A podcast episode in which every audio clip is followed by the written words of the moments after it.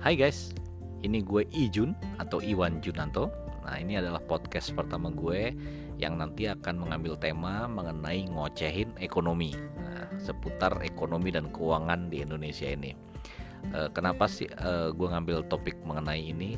E, karena gue lihat sekarang Oh, di podcast-podcast itu udah banyak sekali ya, ya berbagai topik diangkat ada topik mengenai perjalanan ada traveling ada mengenai film ada mengenai buku bahkan kisah horor tapi belum banyak uh, topik yang mengangkat mengenai ekonomi dan keuangan di Indonesia ini. Ada beberapa tapi uh, rasanya aku ingin memperkaya aja diskusi seputar hal-hal yang terkait dengan ekonomi dan keuangan.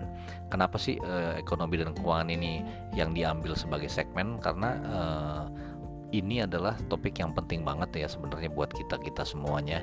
Karena uh, hampir sebagian besar mungkin seluruh kehidupan kita ya dari bangun tidur sampai nanti tidur lagi itu tidak terlepas dari kaitan di bidang ekonomi.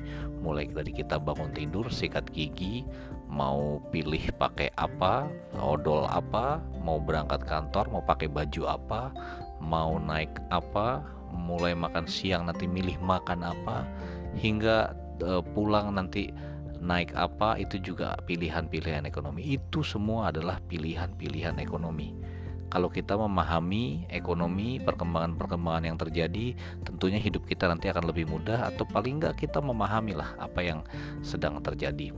Nah ini eh, kenapa juga eh, gue angkat ini? Karena gue hobi banget ngobrol mengenai ekonomi dan eh, punya pengalaman yang lumayan ya lumayan panjang sekitar 20 tahun lebih menghadapi dinamika atau mengalami langsung dengan dinamika ekonomi di Indonesia ini.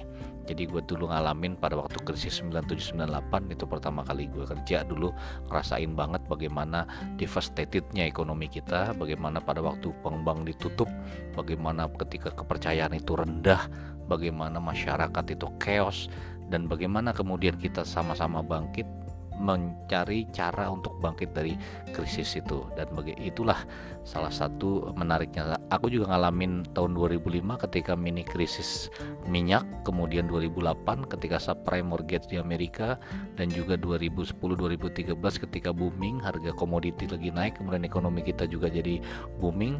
Dan e, saat ini ketika krisis perang dagang antara Amerika dengan Cina. Nah ini tentu menarik kalau melihat ups and downnya ekonomi. Kalau dalam teori ups and down itu kan kalau kita lihat boom and bust ekonomi, eh, kalau dulu ekonomi begitu, tentu ke depan juga akan tetap begitu. Artinya ekonomi akan selalu naik dan akan ada saatnya turun.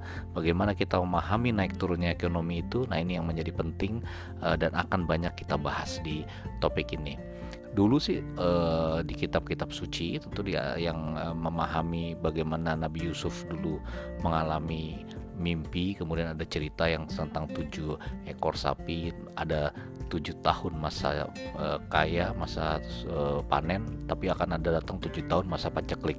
Itu sebenarnya adalah prediksi ekonomi pertama. Jadi kalau saya bilang Nabi Yusuf itu adalah salah satu uh, ekonom uh, Nabi yang juga punya kemampuan ekonomi karena dia mampu membaca boom and bust dari uh, perekonomian. Jadi ketujuh tahun ekonomi lagi boom kemudian dia harus menabung berinvestasi untuk mempersiapkan tujuh tahun masa paceklik. Jadi ketika masa paceklik sudah ada saving atau tabungan. Jadi up and down ekonomi itu sudah ada sejak dulu.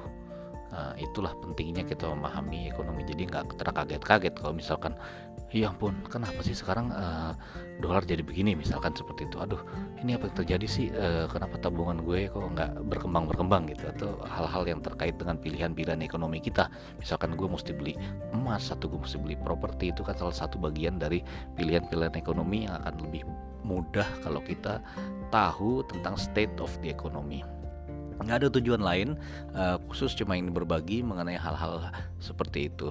Uh, tentunya nanti gue akan sharing juga hal-hal yang terkait seperti buku yang gue baca atau karena gue suka hobi juga traveling atau hobi minum kopi tentunya bisa kita bahas bersama-sama tapi tetap dalam dimensi atau dibidik dari dimensi ekonomi. Jadi kalau aku nanti ngomong film atau ngomong mengenai uh, buku kita akan coba bidik bersama-sama di mana nilai-nilai keekonomian dan filosofi ekonominya. Nah tentunya uh, mudah-mudahan nggak hanya sendiri kita akan ajak nanti banyak beberapa narasumber teman-teman gue yang ahli-ahli deh nanti kita ajak ngobrol bareng-bareng untuk sharing tentang state of the economy tentunya kalau teman-teman semua punya pertanyaan juga silakan mau email ke gue junantoherdiawan at gmail.com atau juga mau follow Instagram gue at Junanto Herdiawan or Twitter at Junanto.